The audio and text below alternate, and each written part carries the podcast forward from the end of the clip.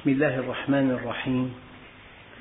الحمد لله رب العالمين والصلاة والسلام على سيدنا محمد وعلى آله وصحبه أجمعين. اللهم لا علم لنا إلا ما علمتنا إنك أنت العليم الحكيم. اللهم علمنا ما ينفعنا وانفعنا بما علمتنا وزدنا علما. وأرنا الحق حقا وارزقنا اتباعه. وأرنا الباطل باطلا وارزقنا اجتنابه. واجعلنا ممن يستمعون القول فيتبعون أحسنه. وأدخلنا برحمتك في عبادك الصالحين.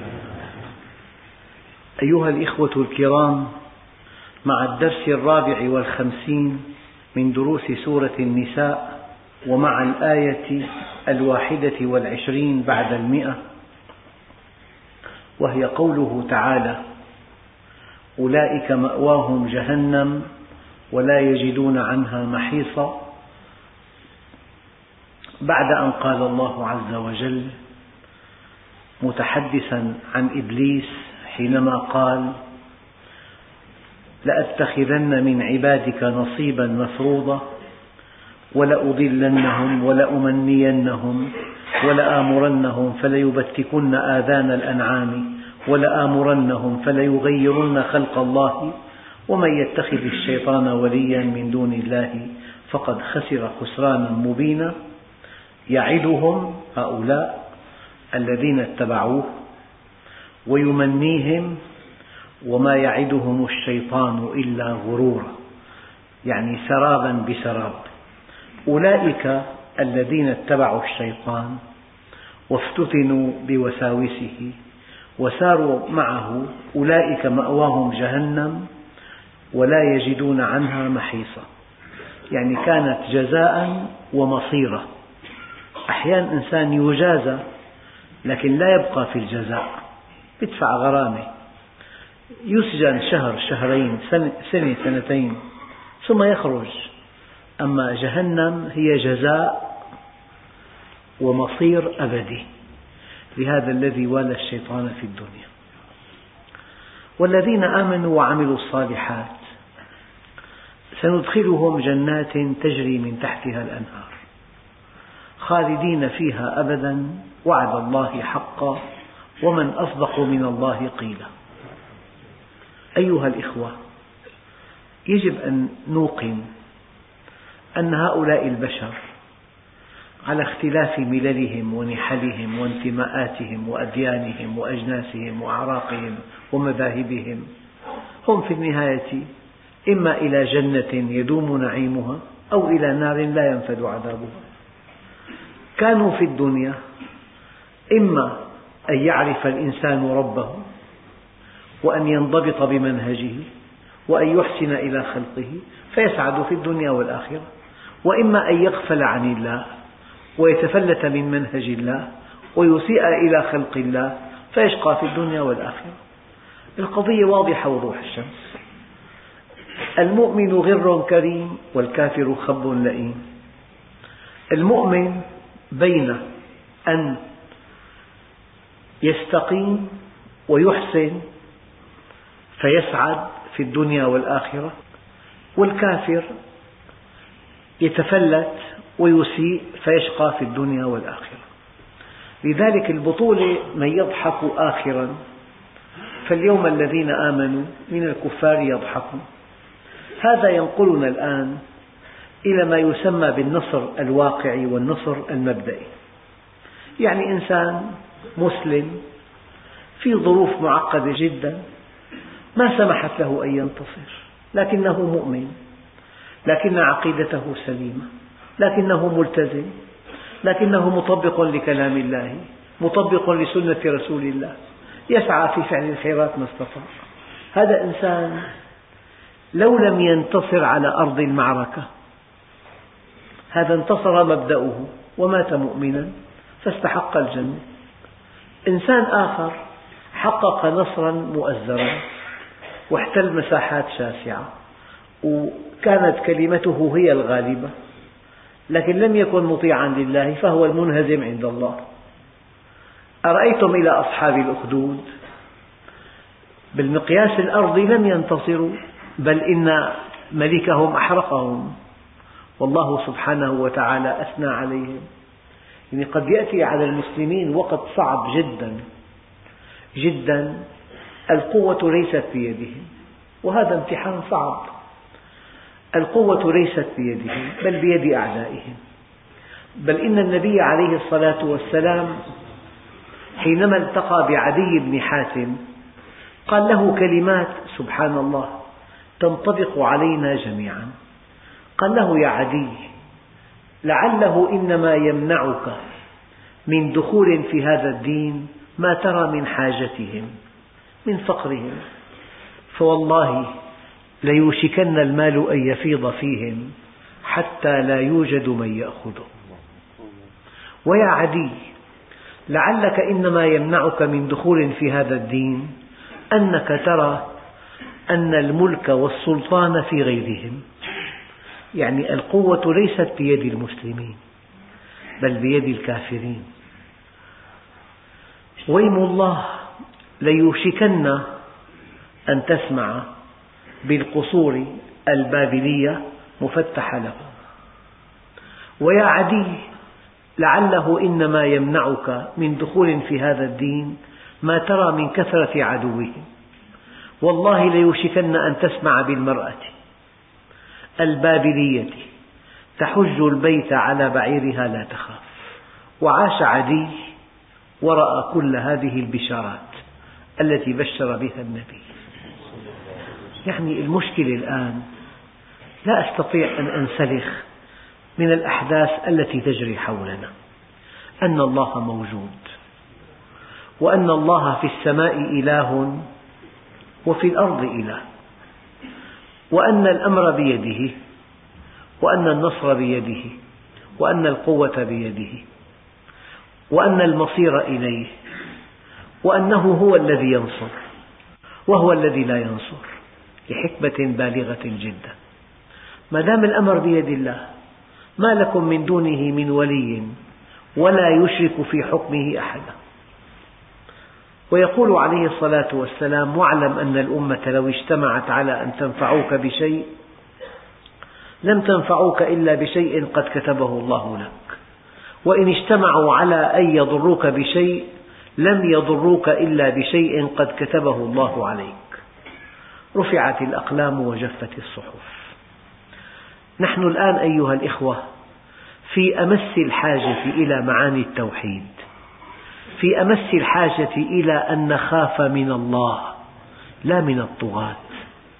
الذين قال لهم الناس إن الناس قد جمعوا لكم فاخشوهم فزادهم إيمانا وقالوا حسبنا الله ونعم الوكيل.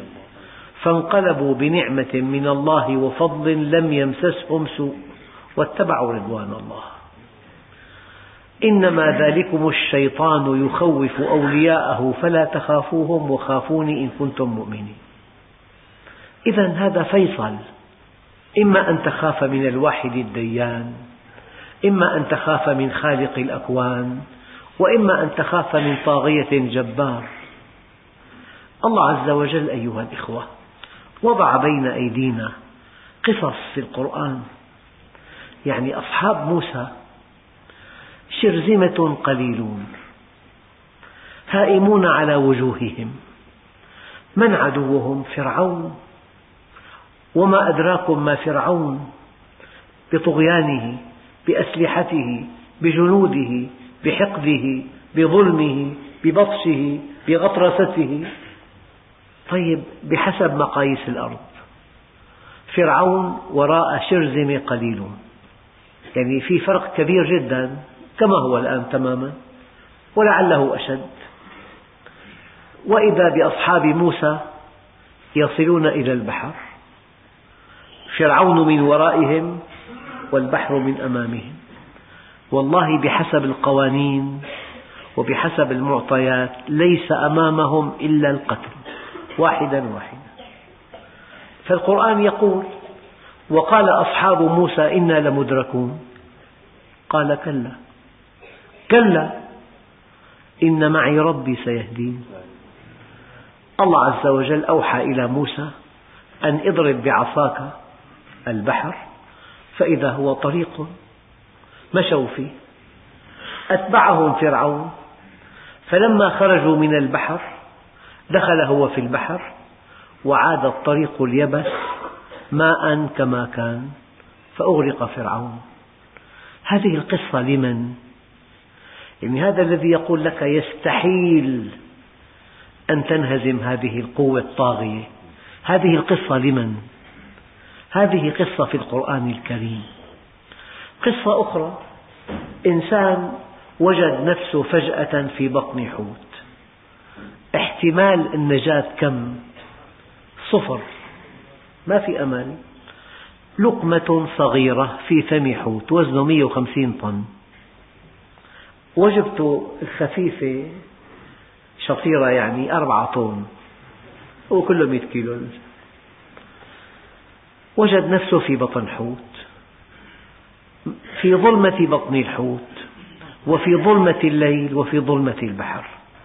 فالله عز وجل قال فنادى في الظلمات أن لا إله إلا أنت سبحانك إني كنت من الظالمين.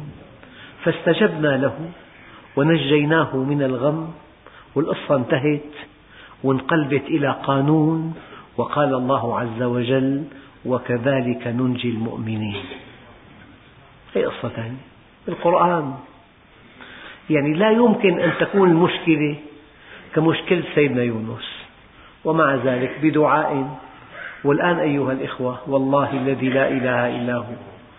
ما نملك إلا توبة نصوح ودعاء لحوح. لأن الله يحب الملحين في الدعاء. يعني تسمعون الله عز وجل أرسل رسائل.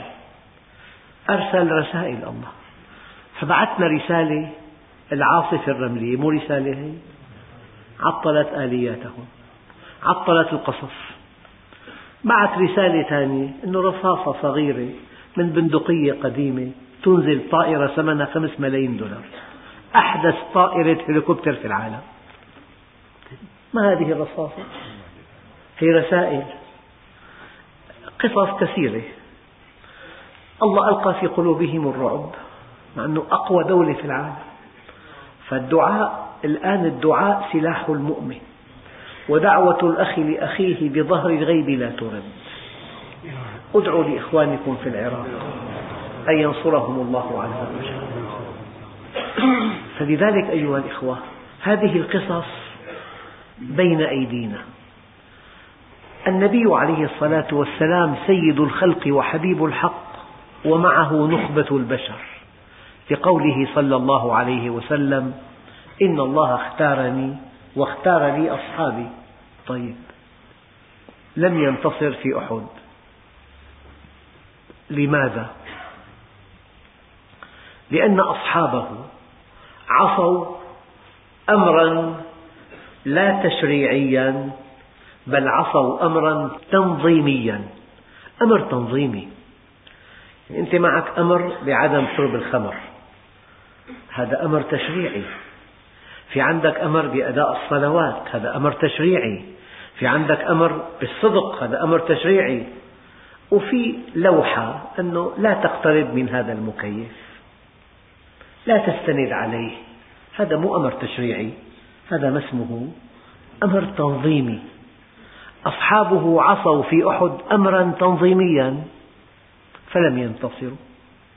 لو انتصروا لسقطت طاعة رسول الله. أبسط مثل لو أعطيت للطلاب وظيفة وفي اليوم التالي لم تشاهدها فكان سواء الذي كتب والذي لم يكتب لا أحد يكتب بعد ذلك انتهت الوظيفة. لو أن الله نصرهم على معصيتهم لرسول الله صلى الله عليه وسلم لسقطت طاعة رسول الله. في حنين لم يعصوا ولكن أشركوا. قالوا لن نغلب من قلة. هذا شرك خفي. وفيهم رسول الله وفيهم أصحاب النبي فلم ينتصروا. لو أنهم انتصروا لسقط التوحيد. فإذا كان سيد الخلق وحبيب الحق ومعه نخبة الخلق لم ينتصروا في أحد لسبب سلوكي ولم ينتصروا في حنين لسبب توحيدي فانهزموا. فإذا كان المسلمين في عندهم ألف معصية سلوكية وألف آه، شبهة توحيدية أن لهم أن ينتصروا. نحن إذا سألنا الله النصر نسأله نصرا تفضليا. ولا نجرؤ أن نسأله نصرا استحقاقيا. فيا أيها الإخوة الآن نحن في محنة عظيمة. وقد أقول كلاما والله أنا أعني ما أقول. يعني حينما ينتصر هؤلاء الطغاة لا يسمح لأولادكم أن يقرأوا كل القرآن. أبدا. كل آيات الجهاد ممنوع أن تتلى لا في الإذاعة ولا في المدارس ولا في الكتب. والله وقد وقع هذا. يجب أن توزع الخطبة على الخطباء من السفارة. لو أنهم انتصروا القضية ليست قضية انتصار عسكري قضية انتصار ماحق انتصار ثقافي. لذلك في هذه الأيام نحن في أمس الحاجة أن نسأل الله أن ينصرهم نور الدين الشهيد وهو يواجه التتار سجد وقال يا رب من هو الكلب نور الدين حتى تنصره؟ انصر دينك. الآن الدين في محنة الآن الحرب حرب إبادة. إبادة للمسلمين. اليوم ألقوا اليورانيوم المخضب. وهذا آثاره بالتم ست مليارات سنة. يورانيوم مخضب. فالقضية خطيرة جدا. يعني الآن نحن يجب أن نوحد صفوفنا. أن نلغي خلافاتنا أن نتعاون أن يضحي بعضنا من أجل بعض أن يحب بعضنا بعضا أن نقيم أمر الله في بيوتنا أن نلغي كل مخالفة في حياتنا في أعمالنا في كسب أموالنا. الشيء خطير جدا أيها الإخوة. وهؤلاء سوف ينتقلون من بلد إلى بلد. بدأوا بالعراق. بلد بلد. ونتائج خطيرة جدا. أنا أقول هذا من, من أعماقي. وأنا والله متألم ألما لا حدود له. لكن لا بد من أن نصحو من غفلتنا. هذا الإسلام الشعائري فقط. لا نأبه بالتعاملات. لسنا جادين في تطبيق منهج الله الكامل. أرجو الله سبحانه وتعالى أن تكون هذه الضربة المؤلمة جدا باعثا لنا على تجديد إيماننا وتجديد عهدنا مع الله وعن إذابة كل الخلافات فيما بين المسلمين. أيها الإخوة الكرام الأمر خطير جدا. خطير لأنه قضية حياة أو موت قضية دين أو محق هذا الدين. مئات المعاهد أغلقت في بعض البلاد في شرق آسيا. أغلقت معاهد دينية. التدخل حتى في المناهج حتى في الكتب حتى في الجوامع حتى في أدق خصوصياتنا. التدخل في قانون الأحوال الشخصية. الزواج يجب أن يكون عقد بين شخصين لا بين ذكر وأنثى. مقبول عندهم زواج بين أنثى وأنثى وذكر وذكر وذكر وأنثى. حتى في أشد الأمور خصوصية سوف يتدخلون. بل كيف تسمعون عن تيمور لنج وعن هولاكو وعن التتار؟ نفس البلاء. يعني لا في قيم ولا في مبادئ ولا في منطق. ما في شيء. ثور هائج مصاب بجنون البقر وقوي جدا ولا يرى بعينيه. فيا أيها الإخوة أسأل الله لي ولكم التوبة التوبة النصوح وأن ندعو لإخوتنا في العراق جميعا أن ينصرهم أن يحفظهم أن يرد كيد الأعداء عنهم.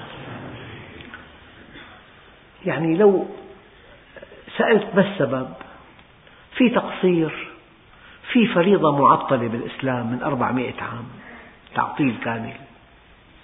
هذا الدين لو لو حذفنا منه نضعف ولو زدنا عليه نتمزق. بالبدع نتمزق وبالحذف نضعف.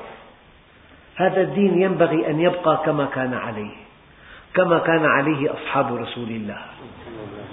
بالحذف نضعف.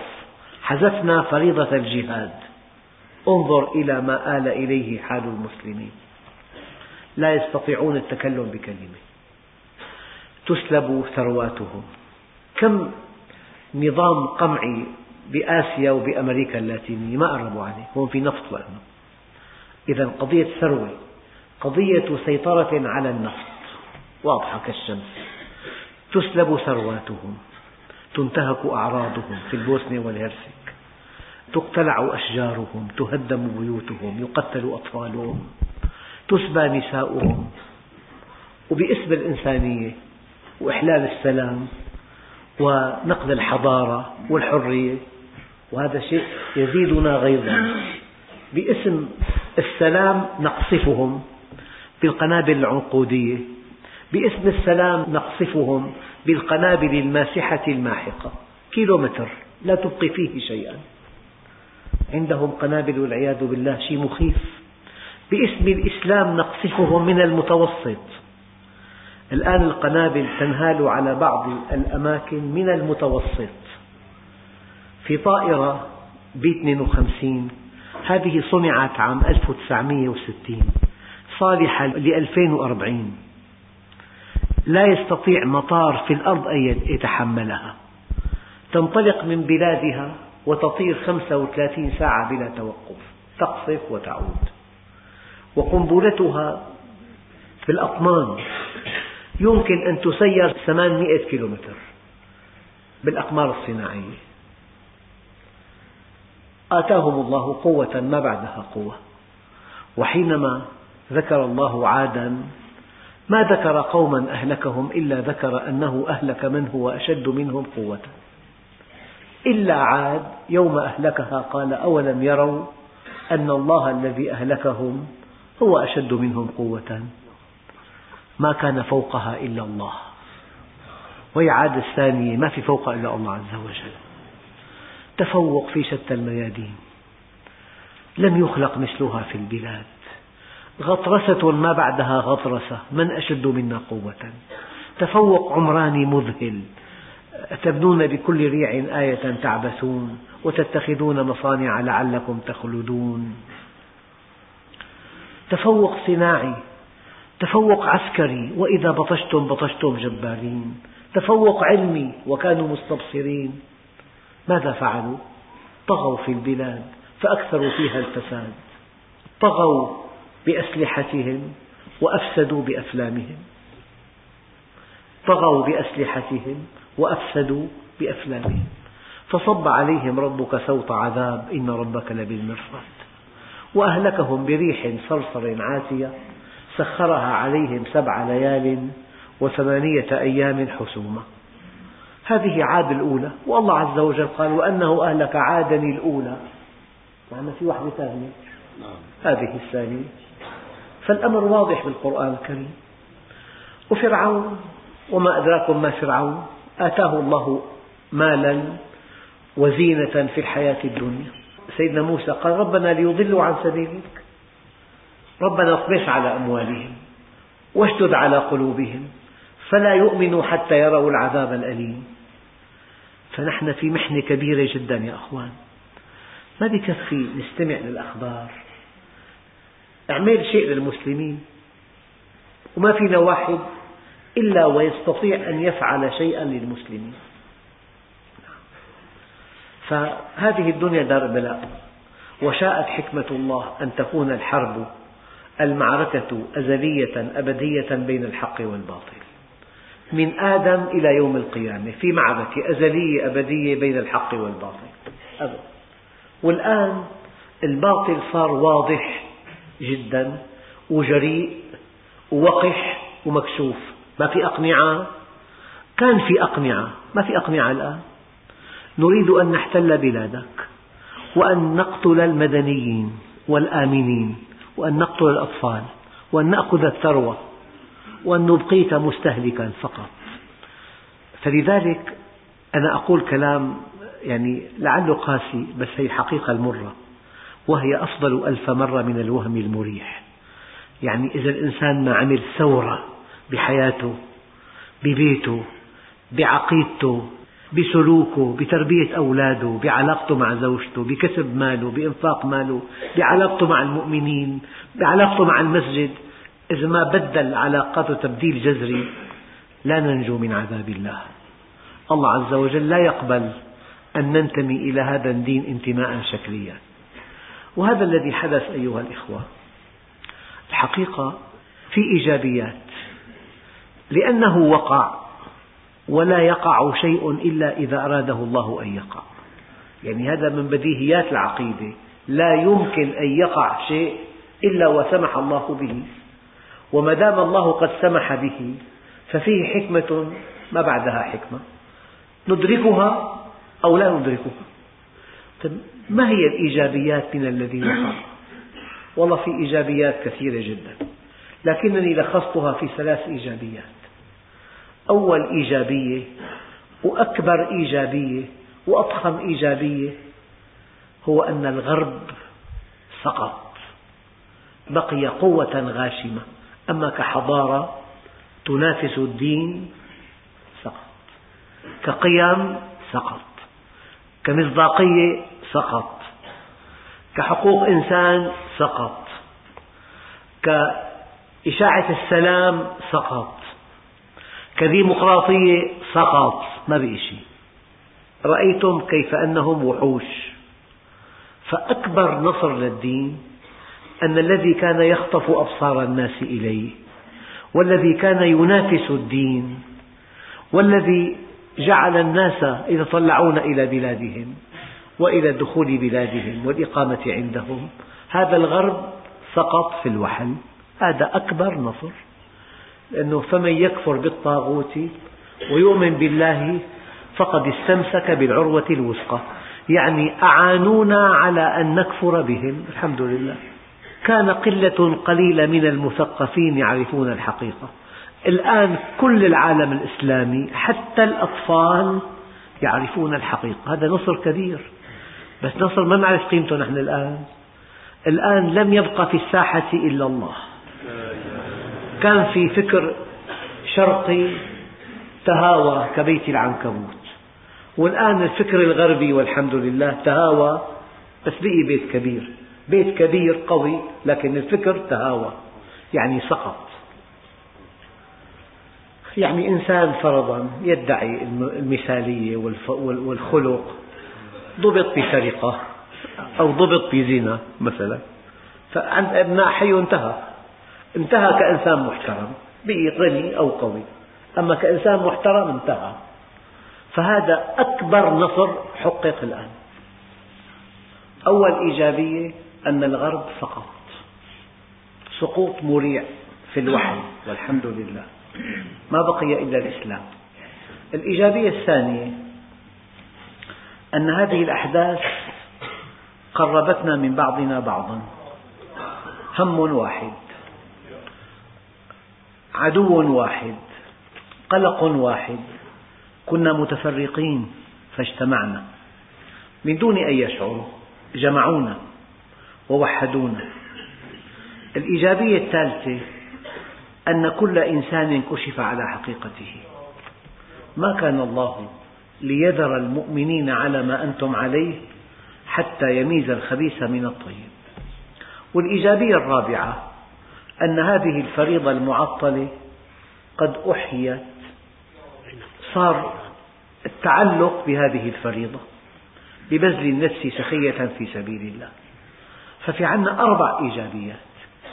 إيجابية سقوط الغرب بقيمه وطروحاته وإيجابية توحدنا وإيجابية انكشاف الأقنعة وسقوط الأقنعة والإيجابية الرابعة أنه لم يبق من حل كي نستعيد استقلالنا وإباءنا وكرامتنا إلا ببذل أرواحنا. هذه أربع إيجابيات لم تكن من قبل. والله عز وجل كل شيء وقع أراده الله وكل شيء أراده الله وقع وإرادته متعلقة بالحكمة المطلقة وحكمته المطلقة متعلقة بالخير المطلق. فالآيات التي بعد هذه الآية والذين آمنوا وعملوا الصالحات سندخلهم جنات تجري من تحتها الأنهار خالدين فيها أبدا وعد الله حقا ومن أصدق من الله قيلا. يعني إن عدنا إلى ربنا وإن اصطلحنا معه وتبنا إليه وعملنا الصالحات نستحق دخول الجنة وهذا هو النصر الحقيقي. أن يسمح لك بدخول الجنة. والدليل فمن زحزح عن النار وأدخل الجنة فقد فاز. والحمد لله رب العالمين.